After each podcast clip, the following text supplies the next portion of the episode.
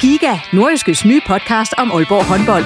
Vil du helt tæt på, hvad der sker i Danmarks største håndboldklub? Vi kommer selvfølgelig til at, til at gå all in. Så lyt til Giga, podcasten om Aalborg håndbold. Det går ondt på et hold som Aalborg, når man ikke leverer det, man gerne vil. Der sætter vi hver uge fokus på de vigtigste historier og største profiler. Dejligt at se, at han er den øh, afgørende faktor, som vi ved, han er.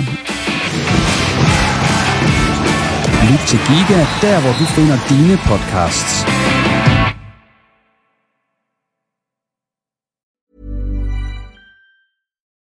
Millions of people have lost weight with personalized plans from Noom, like Evan, who can't stand salads and still lost 50 pounds. Salads, generally, for most people, are the easy button, right? For me, that wasn't an option. I never really was a salad guy. That's just not who I am. But Noom worked for me. Get your personalized plan today at Noom.com. Real Noom user compensated to provide their story. In four weeks, the typical Noom user can expect to lose one to two pounds per week. Individual results may vary. Everyone knows therapy is great for solving problems, but getting therapy has its own problems too, like finding the right therapist, fitting into their schedule, and of course, the cost.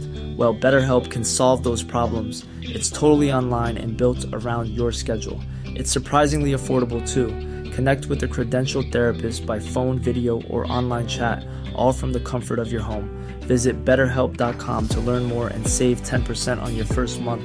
That's BetterHelp, H E L P.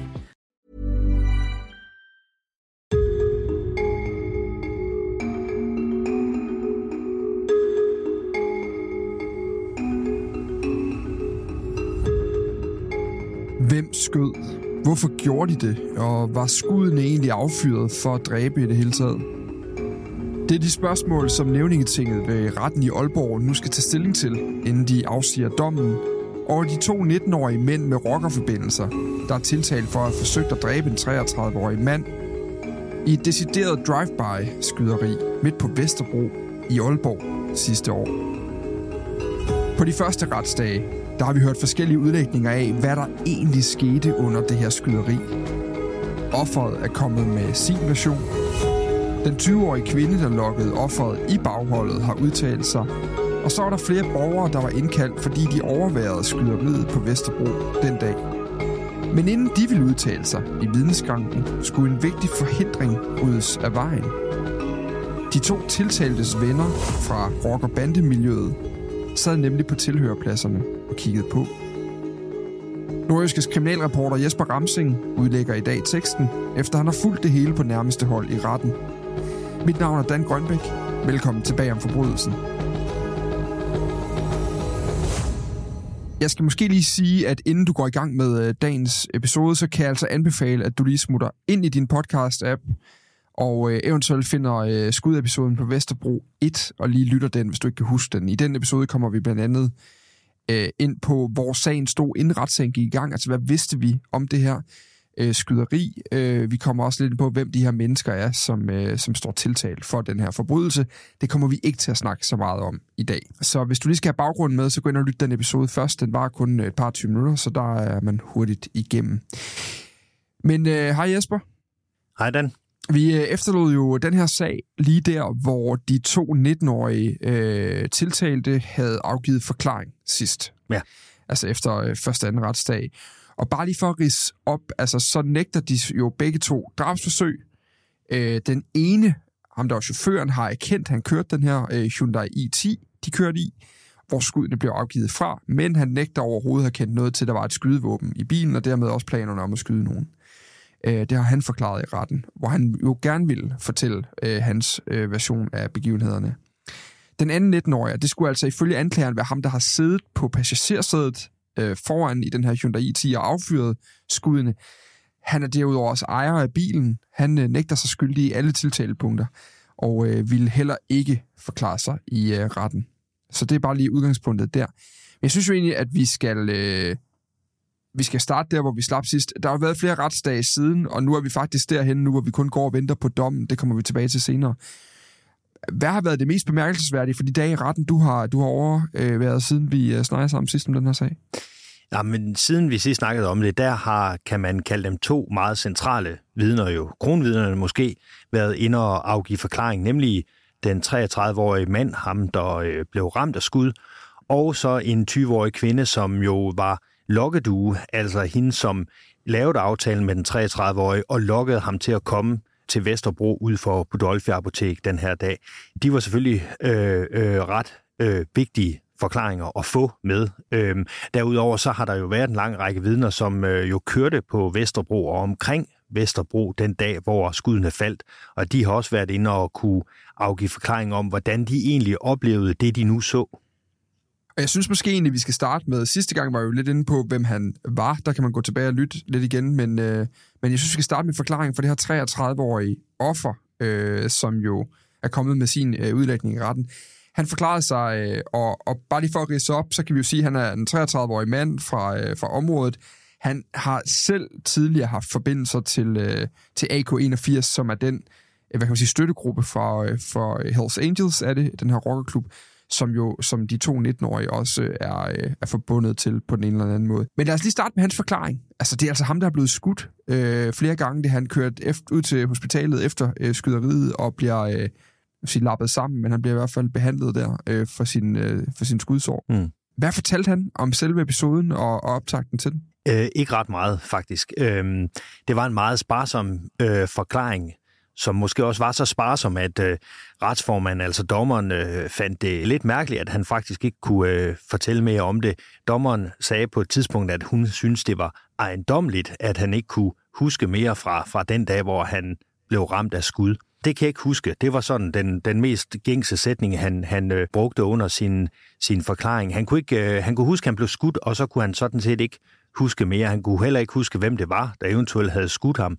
Og han kunne egentlig heller ikke forklare så meget til, hvad der gik forud for den her episode. Han kunne godt huske, at han skulle mødes med en eller anden ved Budolfi Apotek, men ifølge ham, så kunne han faktisk ikke huske, hvem det var. Altså han kunne ikke huske, at det var den 20-årige kvinde, han havde lavet en aftale øh, med.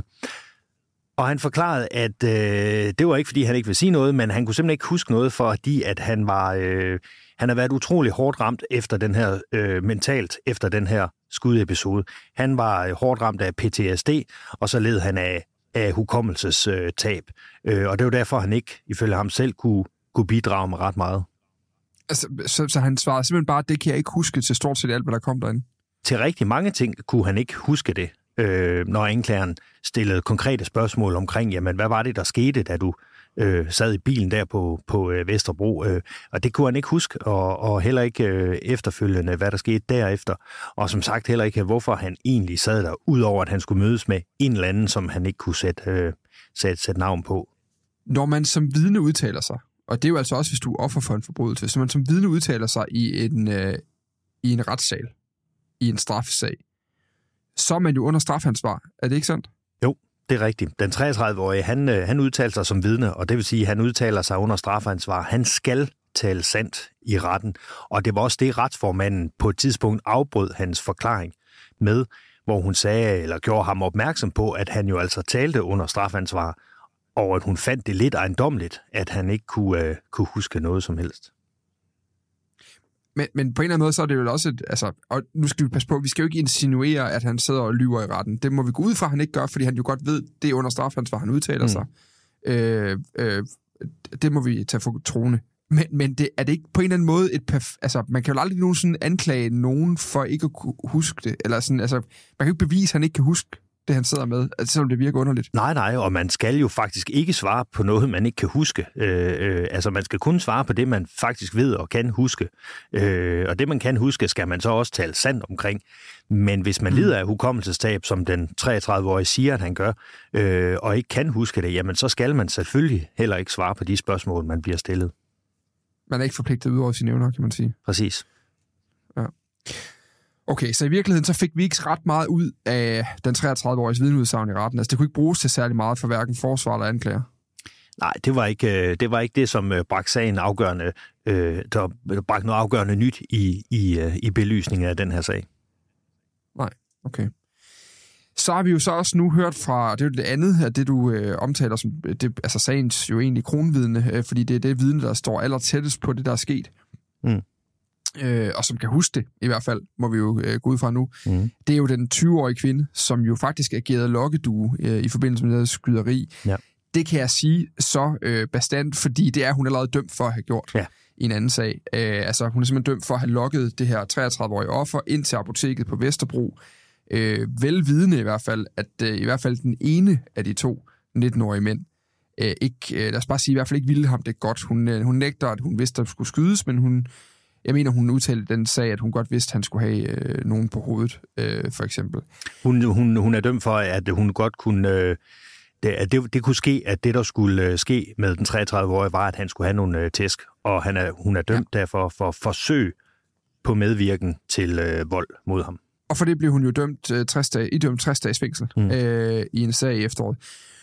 Hvad, øh, hvad, hvad beskriver hun? Hvordan beskriver hun, hvad der foregik? Fordi hun var jo faktisk, hun så jo det hele på første parket. Altså hun står jo faktisk og kigger ind af BMW'en, hvor den 33-årige mand sidder i øh, dens passagerrude, da den her Hyundai kører op på den anden side af bilen, og skyderiet foregår. Ja, og hvis vi starter med selve episoden, den er jo også fanget på video inden fra Budolfi Apotek, øh, som filmer ud øh, igennem hoveddøren og ud på gaden. Og der kan man tydeligt se, hvad der sker, og man kan også se den 20-årige kvinde, hun går hen til BMW'en, da den ligesom ruller op og, og stopper øh, ud for apoteket. Og hun øh, bukker sig ned og åbner døren og, og stikker sådan hovedet ind. Det er meget kort, så øh, vender hun sådan set om og lukker døren i samme bevægelse, da den her Hyundai kører op på, på øh, siden øh, af, af den. Kort tid efter, så kører begge biler væk.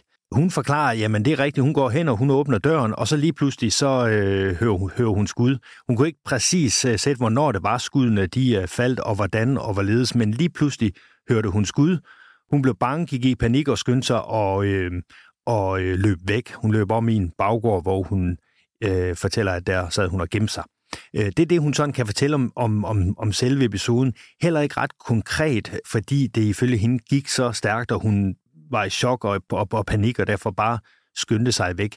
Hun fortalte derimod meget mere om det, der gik op til, og det var det, hende, hendes forklaring hovedsageligt handlede om. Det var nemlig både timerne, men også dagene, månederne, måske endda op til det her skuddrama. Hvad der var sket der, hvad hendes rolle var, og hvad de her to 19-årige tiltaltes roller var.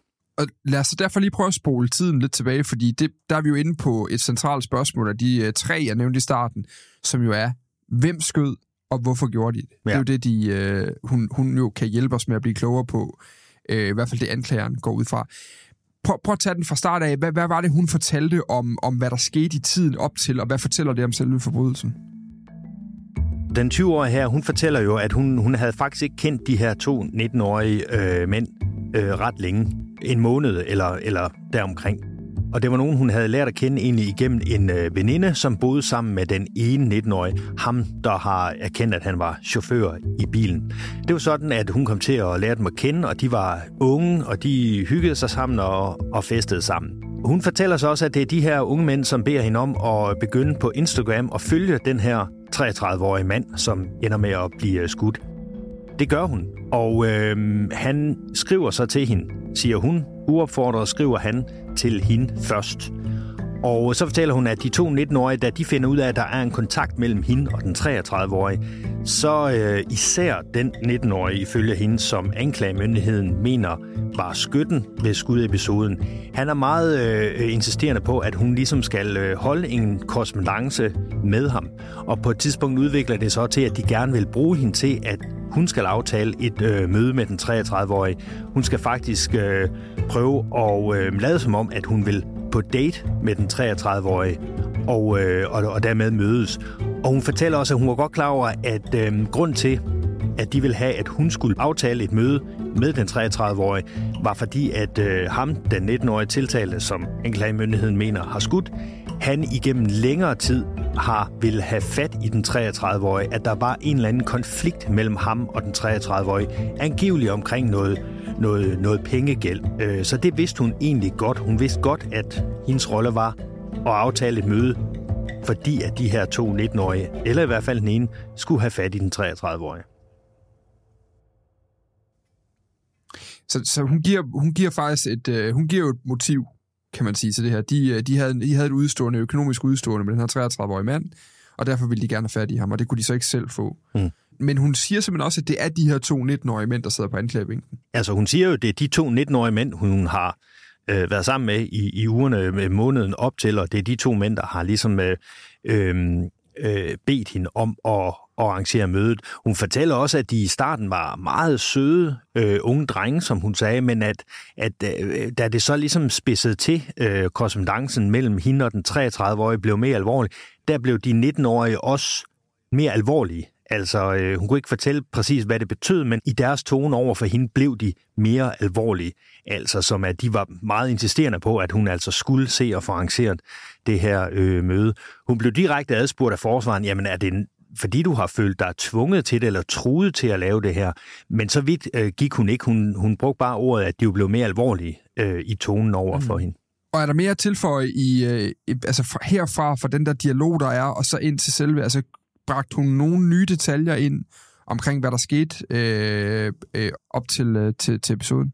Nej, altså øh, den her korrespondence ender jo med, at hun øh, arrangerer en date med ham, eller bilder ham ind, at hun gerne vil på date med ham. Og øh, det bliver så aftalt det her den 29. januar 2023 kl. 1, at de skal mødes ud for øh, Budolfi Apotek.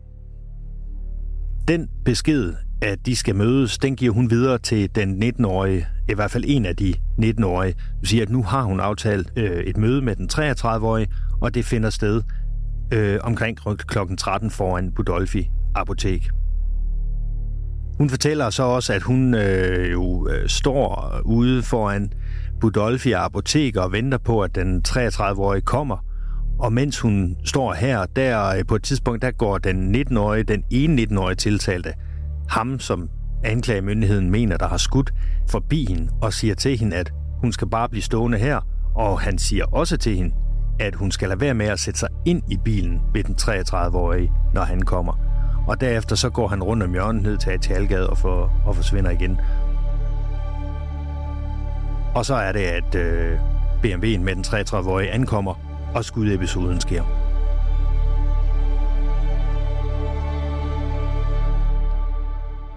Okay. Efter episoden har hun da noget kontakt med de to 19-årige igen? Ja, ja, masser, øh, skulle jeg til at sige. Altså, hun forklarer jo, hun løber om i den her øh, baggård og gemmer sig, da hun, da hun øh, lige efter skudepisoden simpelthen i chok. Øh, og allerede mens hun sidder der, der bliver hun ringet op af den 19-årige, som angiveligt skulle være skytten, den 19-årige tiltalte, ringer hende op og spørger hende, om, øh, om hun blev ramt. Øh, og det gjorde hun ikke. Øh, det var en meget kort samtale.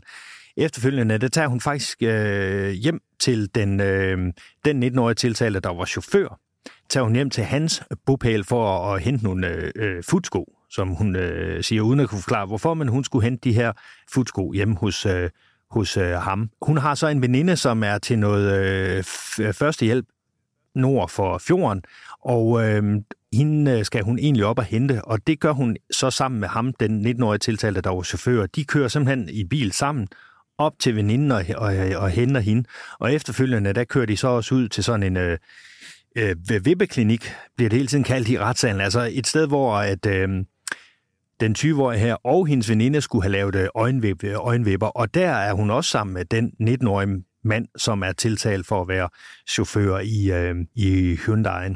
Og det er faktisk, og så er vi hen omkring aftenen, nogle timer, nogle timer efter selve skudepisoden, og det er mens hun sidder her i den her vippeklinik med sin veninde og med den 19-årige tiltalte, at hun bliver kontaktet af politiet, som ringer til hende og spørger, hvor hun er henne, og, øh, og det ender så med, at de øh, kommer ud på webklinikken, og, og der bliver hun så an, anholdt.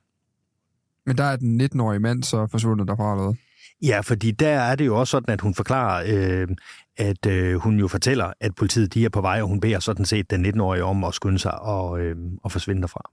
Okay, så de har altså hæftige, altså de er simpelthen sammen i timerne efter øh, skudepisoden er fundet sted inde på, på Vesterbro, ja, kan man sige. Ja. Det var altså udlægningerne for de her øh, to centrale vidner, øh, altså den 20-årige lokkedue, øh, den her unge kvinde, og så, øh, og så altså offeret, den 33-årige mand, der sad i bilen vi har jo sagt nogle gange nu, at der, var nogle, der er nogle rockerforbindelser, eller i hvert fald øh, forbindelser til øh, organiseret kriminalitet i den her sag. Det er til dels de to 19-årige mænd, der står tiltalt, har forbindelser til AK-81, som er støttegruppen for Hells Angels. Den 33-årige mand, øh, som er offeret, har altså også tidligere i hvert fald haft forbindelse til, til den her AK-81. Det viser både vores egen, eller din egen research, men også, øh, også i sagen her. Betød det noget for, for deres vidneudsagn øh, på nogen måde? Altså, at de her forbindelser var der? Det betød i hvert fald noget, inden de skulle ind og afgive, øh, afgive deres forklaring. Der skulle man jo lige øh, tage stilling til, hvem der egentlig måtte øh, have lov til at være inde i, øh, inde i retssalen. Det er jo sådan, at offentlige retsmøder er jo, er jo åbne, og der kan du jo sådan set øh, gå ind fra gaden, og så kan du overvære det, og, og alle har, har egentlig ret til at overvære det. Og der sad jo nogle kammerater til de her to 19-årige tiltaler, også nogen, som i hvert fald ifølge øh, politiet øh, har forbindelse til øh, rock- og bandemiljøet i øh, Aalborg, og som også de to øh, vidner mente, altså den 20-årige og den 33-årige, mente har forbindelser til rock- og bandemiljøet. Og de havde simpelthen ikke lyst til at skulle afgive forklaring, hvis de var til stede i retssalen. Så deres bistandsadvokater, de, øh, de øh, kom med en begæring om, at øh, folk med tilknytning til rock- og bandemiljøet i Aalborg, som sad på tilhørpladserne i retten i Aalborg, de skulle forlade retslokalet, inden de øh, to vidner de kom ind og afgav forklaring. De ville også have, at de to tiltalte skulle øh, føres ud i et lytterum, mens de afgav forklaring. Sådan at når de sad og forklarede sig, så var de her centrale aktører faktisk altså øh, ikke i retssalen. Der var ikke nogen med tilknytning til rock- og bandemiljøet inde i retssalen. Og den begæring, den øh, fra bistandsadvokaterne, den øh, støttede øh, anklager Kim Christensen sådan set øh, op om. Argumentet var, at man ville ikke kunne få en, en rigtig og fyldesgørende øh, forklaring fra de her to vidner, altså den 3, det 33-årige offer og den 20-årige kvinde, hvis der sad de her personer øh, med rock- og bande til, til tilknytning i retssagen. Så det vil slet ikke være muligt at få den, den sandfærdige forklaring, hvis de øh, sad der. Og der har man faktisk, selvom udgangspunktet er jo, at retsmøder er åbne og offentlige, så har man i retsplejeloven mulighed for at begrænse adgangen til retssagen. Og det skete her. Dommeren mente, at det var nødvendigt for, at den 33-årige og den 20-årige kvinde kunne give en sandfærdig øh, og fyldesgørende øh, forklaring i retten. Så de bad simpelthen øh, personer med øh, tilknytning til rock- og bandemiljøet om at rejse sig og forlade retten. Og det, øh, og det gjorde de sådan set øh, meget øh, forholdsvis stilfærdigt. Hvordan afgør man det? Jeg går ikke ud fra, at folk, der har tilknytning til rock- og bandemiljøet i Aalborg, nødvendigvis går rundt med, et, øh, med, en, med en hue på, hvor der står, jeg er rocker, eller jeg støtter banderne. Altså, hvordan, hvordan afgør man sådan på stedet i en retssag, der jo også skal foregå fortløbende, hvem, hvem det er, der har tilpas meget forbindelse til, til at de skal gå ud? Anklageren han kunne ligesom bidrage med, at politiets efterretninger var, at de personer, så kunne han jo så pege ud på tilhørpladserne og sige, at ifølge politiets efterretninger, så var de personer, som sad dernede, de var altså en del af rockerbandemiljøet. og. Og dem, der sad der, ved jo også godt, hvem det er, politiet mener, øh, at det er dem selv, så, så de, de rejser op. Der, der var en, som, som brokkede sig højlydt, nemlig faren til en af de øh, 19-årige tiltalte, som afviste, at han havde noget som helst øh, tilknytning til nogen rock- og bandemiljøer. Det kan godt ske, at han for rigtig mange år siden havde talt med nogen, som han, han, han fik ytret, men, men, øh, men ikke mere end det, så han havde ikke, ikke noget med at gøre. Så han synes ikke, det var rimeligt, at han skulle forlade retssalen, men der havde politiet så altså også peget på ham og sagde, at øh, han var en af, af den gruppe personer, som, som retten nu havde bedt om at, at forlade retssalen.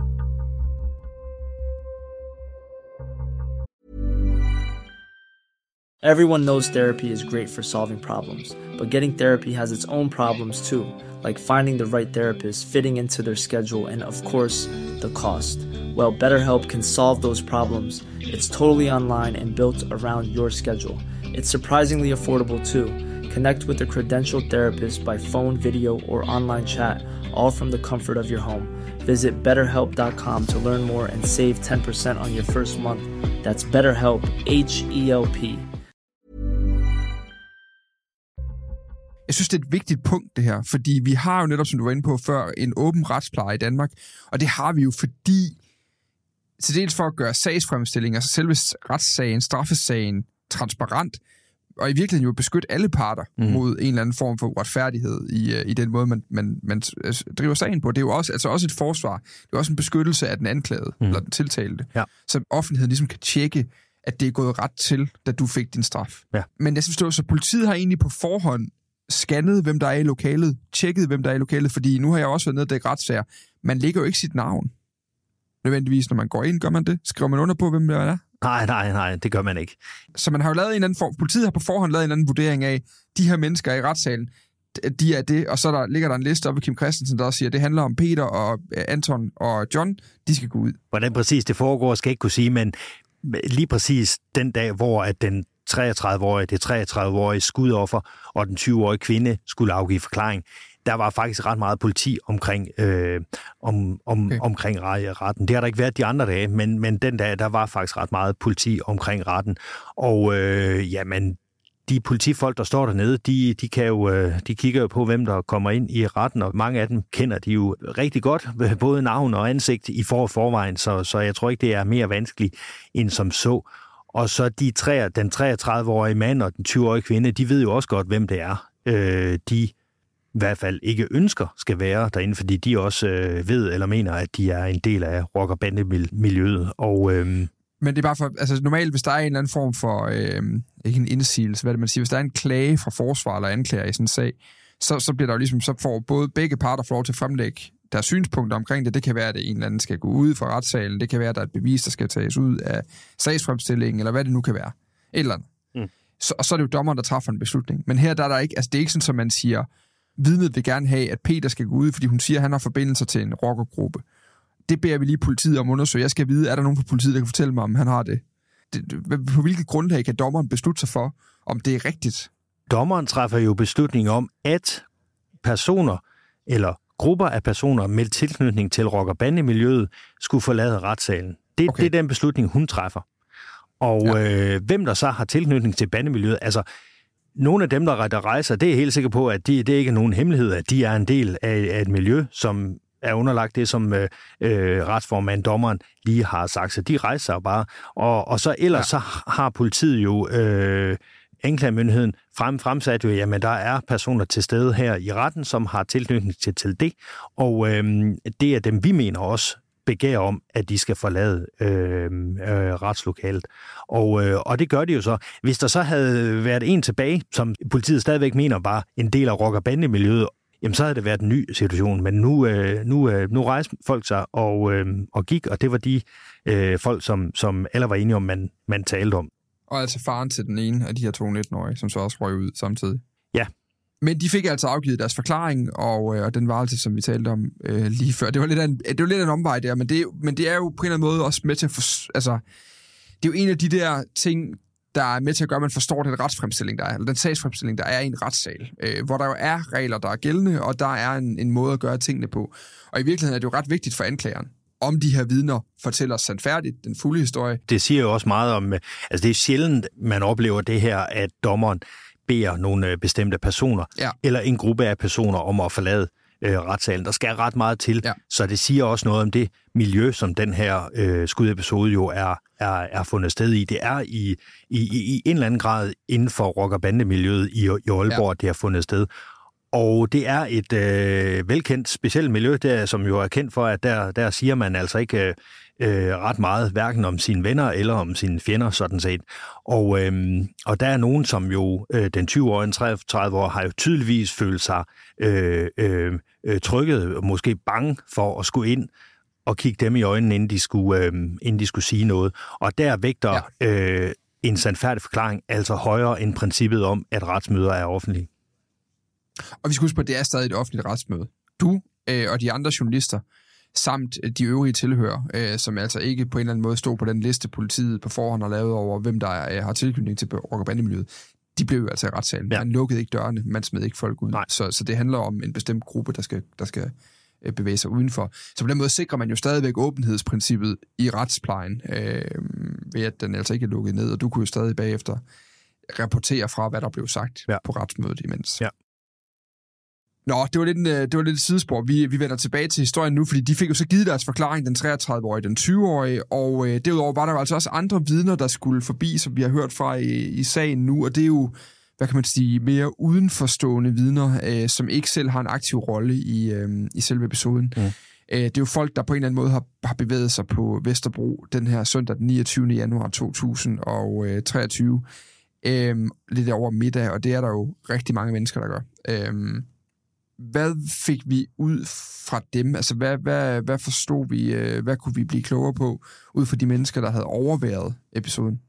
Jamen, det var øh, mere vidner, som var indkaldt til ligesom at understøtte øh, meget af de her øh, bevismaterialer, som anklagemyndigheden i forvejen havde øh, præsenteret, nemlig videoovervågning, teleoplysning osv., som ligesom øh, samlet set, set beskrev et hændelsesforløb. De, de her vidner, de bekræftede sådan set øh, det hændelsesforløb omkring skudepisoden, som anklagemyndigheden har fortalt om. Øh, der var vidner på Vesterbro, der var blandt andet en øh, taxachauffør, som øh, lige havde hentet en, øh, en øh, kunde og kom kørende ad Vesterbro, eller hun holdt faktisk for, for rødt lys der ved, øh, ved Algade kort før apoteket. Og da der så bliver grønt, så vil hun, øh, er hun kun lige sat i gang med at køre, og så siger, fortæller hun, at så kommer der den her lille Hyundai, kører ud foran hende og øh, hen ved siden af BMW'en, og så øh, hører hun tre skud og hun er ikke i tvivl om, at, at det egentlig er skud. Og faktisk fortæller hun, at et af de her afskudte patronhylstre, det, øh, det dumper ned og rammer hendes kølerhjelm på, på, på taxaen. Så, så tæt var hun på. Og så ser hun dem så øh, køre umiddelbart efter de to biler. Altså BMW'en kører først med Hyundai'en i, øh, i hælene. Og det var så her nogle af de andre vidner, som havde kørt lidt længere nede eller op på øh, Vesterbro, og som også havde kørt ned på på øh, Strandvejen og det område, hvor den efterfølgende bil, biljagt, korte biljagt jo fandt sted, de kunne fortælle, at de øh, så de her biler, som øh, kørte øh, i høj fart, de kørte imod kørselsretningen og over for øh, rødt lys, og, og, og nogle vidner beskrev den her kørsel øh, mellem de to biler som vanvittig. Så, så, øh, så de kunne ligesom støtte op omkring det hændelsesforløb, som anklagemyndigheden i forvejen havde øh, præsenteret retten for. Er der noget andet? Øh, er der kommet flere interessante tekniske beviser øh, frem siden sidst? Øh, eksperter, der har været inde øh, og, og, og fortælle noget i retten?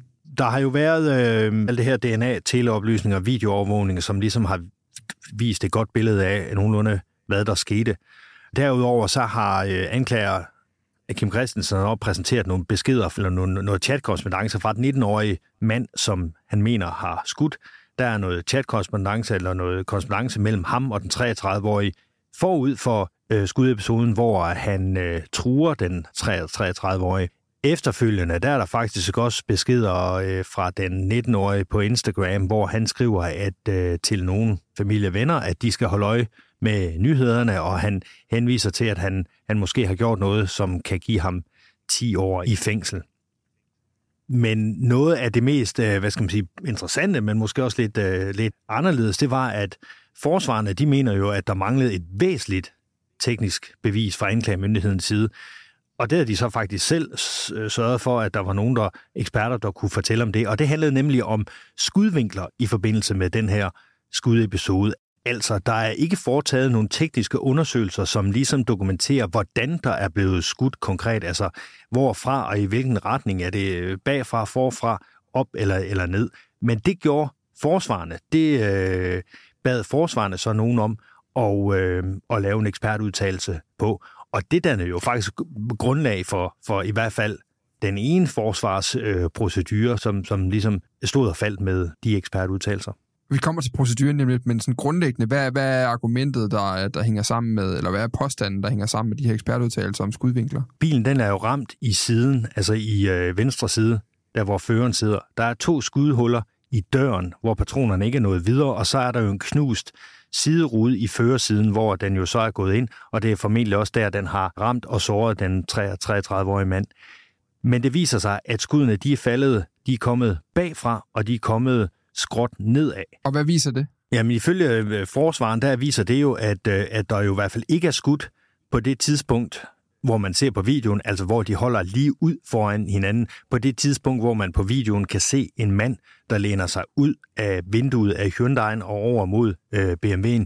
De mener, at det kan jo være, at der rent faktisk er skudt, efter at BMW'en er begyndt at køre, og at der er skudt nedad, og dermed er der ikke skudt mod personen, altså der er ikke skudt for at dræbe. Og det betyder jo noget, fordi hovedtiltalen går på drabsforsøg. Ja. Altså, at det er med intention om at slå ihjel, ja. at man har affyret de her skud. Øh, og så i virkeligheden, så handler det ikke om at sige, det, det er ikke sket. Det handler bare om at sige, jo jo, men det var ikke for at slå ham ihjel, og derved skal det være en, en, en mildere forseelse, mm. de skal dømmes for. Mm. Præcis. Umiddelbart så lyder den her skudvinkel ekspert jo så som dårlige nyheder for anklager Kim Christensen, altså som jo gerne vil have de her to dømt for øh, for, forseelsen, og at det var med hensigt at dræbe, altså det drabsforsøg. Hvordan, øh, hvordan forholdt han sig til det? Ja, men nej, jeg, jeg tror ikke, han ser det som dårlige nyheder. Han, han, øh, han fortalte jo faktisk i sin procedure, at det der med skudvinkler, det var, øh, det var fuldstændig øh, unødvendigt at begynde at undersøge, fordi faktum er, at øh, bilen er ramt i sidedøren, og så er der altså et af skuddene, der har ramt ind igennem sideruden, altså i kropshøjde, i hvert fald måske endda hovedhøjde af, hvor den 33-årige øh, øh, sad. Og det skud alene er i den grad egnet til at dræbe, som øh, Kim Christensen øh, forklarede det. Og i det hele taget, så øh, mente han jo, at der var nærmest en overflod af beviser mod de her to, at det var dem, som øh, stod bag det her, og at øh, hele øh, forløbet øh, op til også beviste, at igennem den 20-årige kvinde lokkede de ham simpelthen til at mødes der. De øh, lå på baghold i Algade, hvor de holdt i deres bil og ventede, kørte op på siden af ham, og så affyrede de på en eller anden måde i hvert fald, affyrede de tre skarpe skud mod personen, og øh, de er ikke i tvivl om, at øh, det var med hensigt til at, at, at dræbe, og at motivet har været den her længerevarende konflikt, måske om, om gæld, der har været mellem den ene 19-årige og den 33-årige. Så ifølge anklager Kim Christensen, så er der slet ikke nogen tvivl om, at begge de tiltalte, de er øh, skyldige i, i drabsforsøg mod den 33-årige. Hvordan forholdt forsvaren sig til, øh, til proceduren? Proceduren er jo der, hvor, hvor, hvor hver part ligesom får mulighed for at opsummere hele deres sagsfremstilling og sige, det er det her, der er sket, det er det her, vi mener, nævningetinget skal dømme efter, øh, eller retten skal dømme efter. Hvad sagde forsvaren? Der er den øh, ene forsvar, Rasmus Amandusson, han forsvarer den 19-årige mand, som ikke har været udtalt sig i retten, men som anklagemyndigheden mener har øh, skudt med pistolen. Og øh, Rasmus Amandusson, han siger, prøv her, øh, de her skudvinkler, de er simpelthen vigtige, fordi der er skudt bagfra, Altså når bilen måske er på vej væk i bevægelse, og så er der skudt nedad. Og det vil sige, at man har på intet tidspunkt skudt efter personen. Og han sagde, at det kan aldrig komme på tale, at det her det er drabsforsøg, fordi en grundforudsætning for, at det kan være et forsøg på at dræbe, det er jo, at den handling, man har gjort, faktisk var egnet til at slå ihjel. Og det her, han jo mener, jamen når du skyder nedad mod en bil, så affyrer du altså ikke et skud, som er egnet til at dræbe, så det kan slet ikke være drabsforsøg. Og derudover så øh, Rasmus Amandusson, han, han sagde også, at det er rigtigt, der er DNA fra, fra hans klient på et patronhylster, man fandt på Vesterbro. Der er DNA fra hans klient på sidespejlen, omkring sidespejlet ved den her BMW. Han sagde til nævningen ting, det er fint, der er det DNA, og det er et ret godt bevis. Men en ting, DNA ikke siger, det er, hvornår DNA-aftrykket, det er, øh, eller DNA-spor, det er afsat. Øh, så han åbnede bare op for, at det kunne jo være, at øh, hans klient havde haft fingre i den her, her patron lang tid før, og så foregår det her i det kriminelle miljø, så det kunne have været skiftet hænder mange gange. Han sagde også, at det er rigtigt, der er en video, som jo tydeligt viser det hele, og man kan også se, at der er en mand, der læner sig ud af den her øh, Hyundai, og anklagemyndigheden mener i hvert fald, at det er Rasmus Amandussons klient, man tydeligvis kan se. Rasmus Amandusson sagde, det kan jeg ikke se, jeg ser noget andet. Mm, okay. Og så er der jo den anden 19-årige. Det, han har udtalt sig. Det er ham, der var chauffør, og det har han også forklaret, at han var chauffør. Og ligesom øh, øh, den 20-årige, der har han jo forklaret, at han vidste godt, der skulle være det her møde, og det værste, han troede, der kunne ske, det var, at den 33-årige skulle have nogle øh, tæsk. Han vidste overhovedet ikke, at der var en pistol, og havde ikke set en pistol, før at der lige pludselig blev affyret skud. Hans forsvar lader jo meget vægt på hele foreningsspørgsmålet. Det er, han er jo tiltalt for sammen med den 19-årige, altså i forening, fælles forståelse, forudgående planlægning, at have øh, forsøgt at dræbe den 33-årige. Og der siger hun, jamen prøv her, han vidste ingenting. Han har forklaret meget detaljeret og meget åben, at han øh, var chauffør, men han vidste faktisk ikke noget om den her pistol, og der er ikke ført noget som helst bevis for, at han vidste, der var en pistol i bilen, sagde, sagde hun. Hun sagde også, fordi anklageren mener, at den 19-årige chauffør der bagatelliserer sin rolle, og at han har indrettet sin forklaring efter beviserne i sagen, fordi han har jo først afgivet forklaring i retten, han har jo slet ikke afgivet forklaring før til, til politiet, så det er faktisk første gang, at man hører, hvad han har at sige, det var i retten. Og der mener anklageren, at det er fordi, han har ligget i baghånd, og så har han kunne indrette sin forklaring. Det afviste hans, øh, hans forsvar, Gitte Julie Jensen, fuldstændig i sin prostyr og sagde, prøv at høre, det nemmeste for ham havde været at, at sige, jeg var ikke til stede, for der er ikke nogen beviser for, at han faktisk kørte den bil. Men i stedet har han lagt sig fladt ned i retten og forklaret, hvad der rent faktisk skete. Så hun mener, at øh, han jo selvfølgelig ikke skal øh, dømmes for drabsforsøg, eller højst dømmes mm. for det, han har erkendt, nemlig øh, medvirken til, til, til vold måske, ligesom den 20-årige kvinde blev. Der falder dom i den øh, kommende uge, og øh, vi skal nok lige følge op på den i næste uges øh, bag om forbrydelsen, selvom den ikke kommer til at handle om den her sag. Øh, fordi nu er vi ligesom, vi er over den del, hvor vi bliver klogere her nu, og så er det altså også øh, over den del, hvor vi laver podcast om en retssag.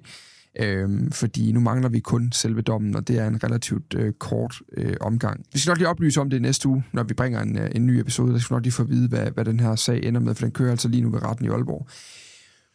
Jesper, hvad kan det ende med det her egentlig? Bare lige for hurtigt ris, øh, ris linjerne op i det. Øh, hvor meget er det på spil lige nu? Ja, nu skal jeg passe på at komme ud i alt for meget gætværk, men, men der er ret meget på spil. Hvis retten ender med at dømme fuldstændig, som anklagemyndigheden har påstået, så kan det blive en ret lang øh, fængselsstraf, der er tale om. Hvis de to 19-årige bliver dømt for drabsforsøg, så bliver de jo også dømt for ulovlig våbenbesiddelse, og så vil de også blive dømt for at have udsat den 20-årige kvinde for livsfare, da de affyrede, hvor hun var i nærheden af bilen. Og så er det jo sådan, at når der bliver brugt våben, skydevåben på offentlige tilgængelige steder, så øh, er der sådan en strafskærpelsesbestemmelse i straffeloven, som gør, at så kan man forhøje straffen med indtil det halve. Og øh, altså drabsforsøg, der kan du starte ved øh, omkring 6 år normalt og 2 år for våben, og så er der noget for fareforvoldelse, så du kan godt se, at man kan hurtigt komme på den anden side af ja. 10 år, hvis det er, man bliver dømt for det hele.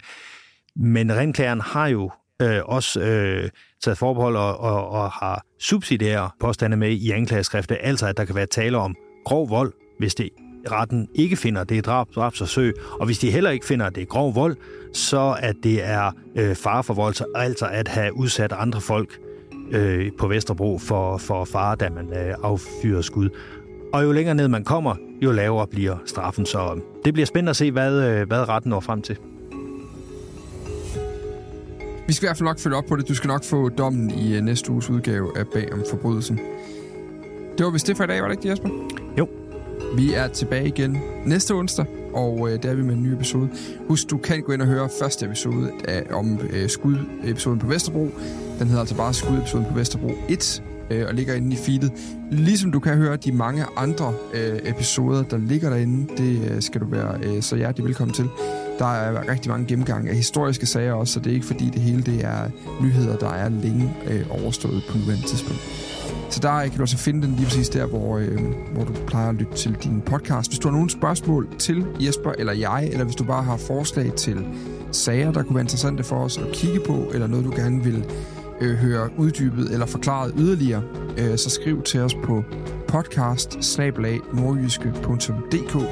Altså podcast, p o d c a s t nordjyske.dk. Og øh, så er vi tilbage igen om en uge. Ha' det rigtig godt. Tak fordi du lytter med. Vi lyttes ved.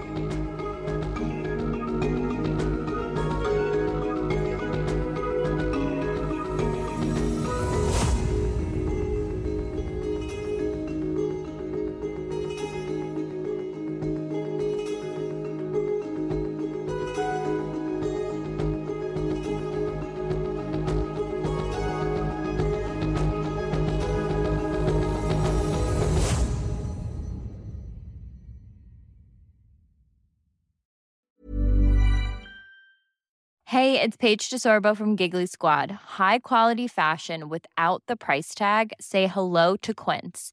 I'm snagging high-end essentials like cozy cashmere sweaters, sleek leather jackets, fine jewelry, and so much more. With Quince being 50 to 80% less than similar brands. And they partner with factories that prioritize safe, ethical, and responsible manufacturing. I love that. Luxury quality within reach. Go to quince.com slash style to get free shipping and 365 day returns on your next order. Quince.com slash style. When you make decisions for your company, you look for the no-brainers. And if you have a lot of mailing to do, stamps.com is the ultimate no-brainer. It streamlines your processes to make your business more efficient, which makes you less busy. Mail checks, invoices, legal documents, and everything you need to keep your business running with Stamps.com. Seamlessly connect with every major marketplace and shopping cart. Schedule package pickups and see your cheapest and fastest shipping options from different carriers with rates up to 89% off USPS and UPS rates. And with the Stamps.com mobile app, you can take care of mailing and shipping wherever you are. Make the same no-brainer decision as over 1 million other businesses with Stamps.com. Sign up with Code PROGRAM for a four-week trial, plus free postage and a free digital scale. No long-term commitments or contracts.